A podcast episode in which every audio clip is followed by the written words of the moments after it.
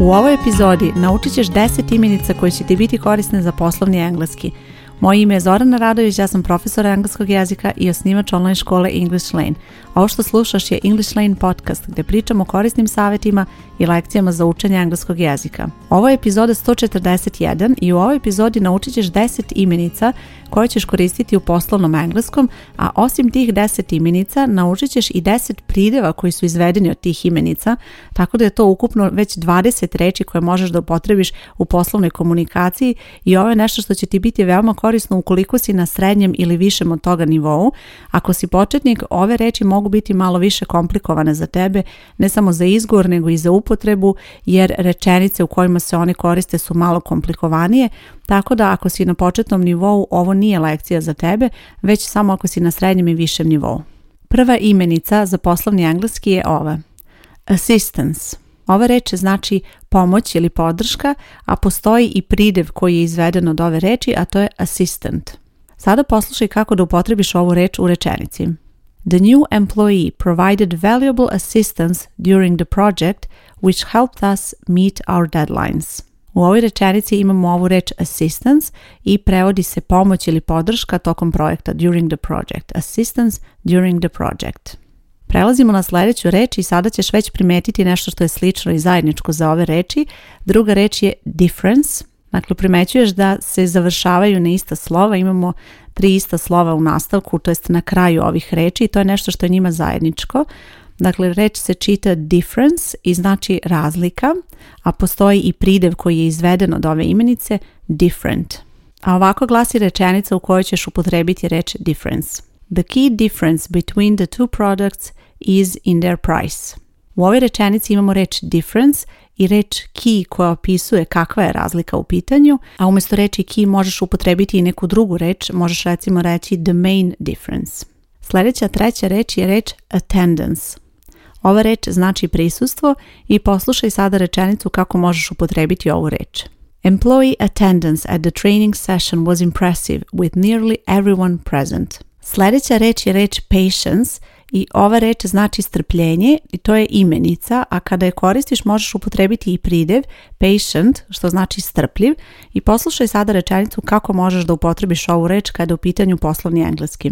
Businesses must have the patience to build a strong customer base over time. U ovoj rečenici imamo reč patience gdje znači strpljenje i ispred nje je upotrebljen ovaj član the, zato što je ovaj pojam u rečenici određen, a ova reč se može upotrebiti i bez člana. Sljedeća reč je reč presence, što znači prisustvo, a postoji i pridev present, prisutan, i poslušaj sada primjer rečenice. The CEO's presence was necessary to discuss the company's future plans. U ovoj rečenici ispred reči presence imamo čije prisustvo je bilo neophodno, u ovom slučaju je CEO i onda imamo apostrof s jer je pripadnost u pitanju, a umjesto toga se može upotrebiti i neko ime ukoliko se misli na osobu ili neka druga pozicija, ali ukoliko želiš da kažeš čije je to prisustvo koristit ćeš genitiv kao u ovoj situaciji i onda ćeš dodati tu reč presence kada želiš da naglasiš čije je prisustvo neophodno u ovom slučaju ili na čije se prisustvo uopšte misli. I sada dolazimo do reči koja ima suprotno značenje, znači imali smo prisustvo, a sada je odsustvo i ta reč je absence, Absence je reč koju možeš upotrebiti, to je imenica, a postoji i pridev absent, odsutan. I poslušaj sada rečenicu. The sudden absence of the project manager left the team with a lot of problems imamo the sudden absence of the project manager.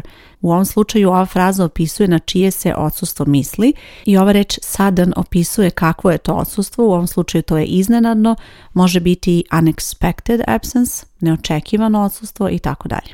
Sljedeća reč je diligence, Diligence je imenica koja znači vrednost marljivost, a postoji i pridev koji glasi diligent i sada dolazimo do rečenice koja glasi ovako.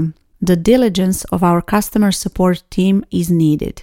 U ovom slučaju ova fraza u nastavku diligence of je nešto što opisuje na kakvu se to vrednost, odnosno marljivost misli i to je nešto što možeš koristiti za razne ove reči. Kada primetiš da koristim to u rečenici, to je zato što takve reči možeš dodatno objasniti koristeći tu of frazu. Znači kažeš of i onda imaš nastavak kojim detaljnije opisuješ tu reč, odnosno tu imenicu koja se koristi u rečenici.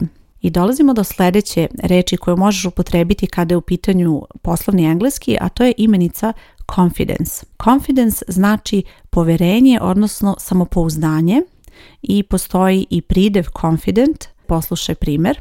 His confidence in the product's quality convinced investors to fund the project. Znači imamo u ovom slučaju his confidence, njegovo samopouzdanje i često ćeš u nastavku čuti ovaj predlog in, confidence in something, poverenje, odnosno samopouzdanje u nešto i to je nešto što možeš upotrebiti kada koristiš reč confidence. Dolazimo do sljedeće imenice, to je pretposlednja deveta imenica za poslovni engleski i u pitanju je reč equivalence. Ova reč znači jednakost i imamo i pridev, naravno equivalent. Dolazimo do rečenice The equivalence of the two proposals was clear. Both offered similar benefits with the same production costs the equivalence of the two proposals. To je fraza koju imamo na početku ove malo složenije rečenice i opet je ova fraza of da se objasni kakva je to jednakost. The equivalence of the two proposals. Znači jednakost ta dva predloga je bila jasna. Pre nego što dođemo do posljednje reči, želim da ti samo napomenem da su ovakve reči veoma korisne u poslovnoj komunikaciji zato što kako napreduješ sa učenjem, očekuje se da se izražavaš sve složenije i to je nešto što je veoma korisno u poslovnoj sredini, možda ne toliko sa kolegama, ali svakako kada pričaš sa klijentima, kada pričaš sa nadređenima, kada je u pitanju neka formalna situacija, ovakve reči su izuzetno korisne i vrlo često ćeš biti u situaciji da neke od ovih stvari možeš reći na jednostavniji način način. Dakle, umjesto assistance možeš reći recimo help i help je reč koju ćeš naučiti dosta rano kada kreneš da učiš engleski jezik, ali imaju u vidu da je mnogo važno da se izražavaš na ovakav način, da koristiš ovakve reči, zato što ćeš pre svega zvučati ozbiljnije, formalnije i imat ćeš mnogo više samopouzdanja kada to govoriš zato što će konstrukcije koje koristiš biti složenije i onda će sve to zvučati mnogo bolje. Da bi koristila engleski u poslovnom okruženju potrebne su ti i one da kažem osnovne stvari tako da je bitno da naučiš i sve ono osnovno što je neophodno da te pripremi za tu poslovnu sredinu, dakle potrebna ti je i gramatika, potrebno ti je da naučiš kako se grade sadašnje vremena, kako se koristi glagol to be, sve je to neophodno kako da koristiš recimo lične zamenice, prisvojne prideve, sve je to nešto što je neophodno i u poslovnoj sredini, samo su ovakve reči koje možeš vidjeti u ovoj lekciji i slični izrazi nešto što pravi razliku i nešto što ti pomaže da engleski koji koristiš u tom okruženju bude malo više prilagođen to situaciji. I stižemo do desete reči koja je imenica koju možeš koristiti u poslovnoj sredini, a to je reč persistence. Ova reč znači upornost i strajnost i postoji i pridev, u pitanju je reč persistent i rečenica glasi ovako. Their persistence and hard work help them achieve their goal. Ovdje imamo reč dare koja na neki način određuje ovu reč persistence, misli se na njihovu upornost i to je nešto što možeš upotrebiti kada koristiš ovakve reči, ne samo ovu reč već i druge.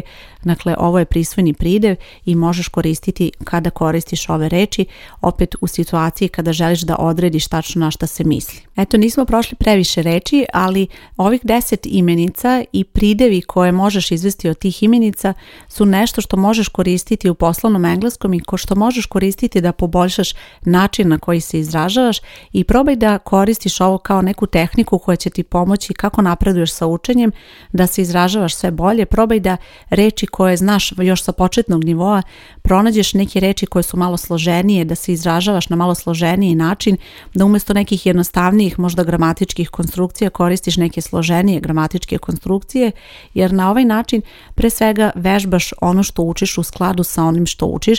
Dakle, si na srednjem ili na naprednom nivou, to se i očekuje od tebe. Ne možeš koristiti rečenice koje su za početni nivo i konstrukcije koje su prilagođene takvom nivou ako si već na naprednom nivou. Dakle, očekuje se od tebe i da način na koji se izražavaš bude mnogo složeniji i zato probaj to da koristiš kao vežbu i nešto što će ti naravno uz to i omogućiti da kada pričaš na engleskom ili kada pišeš na engleskom zvučiš mnogo ozbiljnije i mnogo sigurnije naravno jer ćeš koristiti neke izraze koji su dosta onako složeniji i dosta ih je bolje upotrebiti, odnosno prilagoditi situaciji kada koristiš engleski u poslovnoj sredini. Nadam se da ti je ova lekcija bila korisna, a ukoliko ne učiš engleski u mojoj školi, a potrebna ti je pomoć i podrška na tom putu, predlažem da pogledaš više o mojoj školi i kako se možeš prijaviti. U pitanju je online škola i učit ćeš engleski preko interneta. Na ovoj stranici gdje slušaš podcast postoji link ili možeš potražiti English Lane online škola i tu ćeš pronaći sve detalje. Hvala ti što slušaš podcast Moje ime Zorana Radović i čujemo se uskoro. Ćao!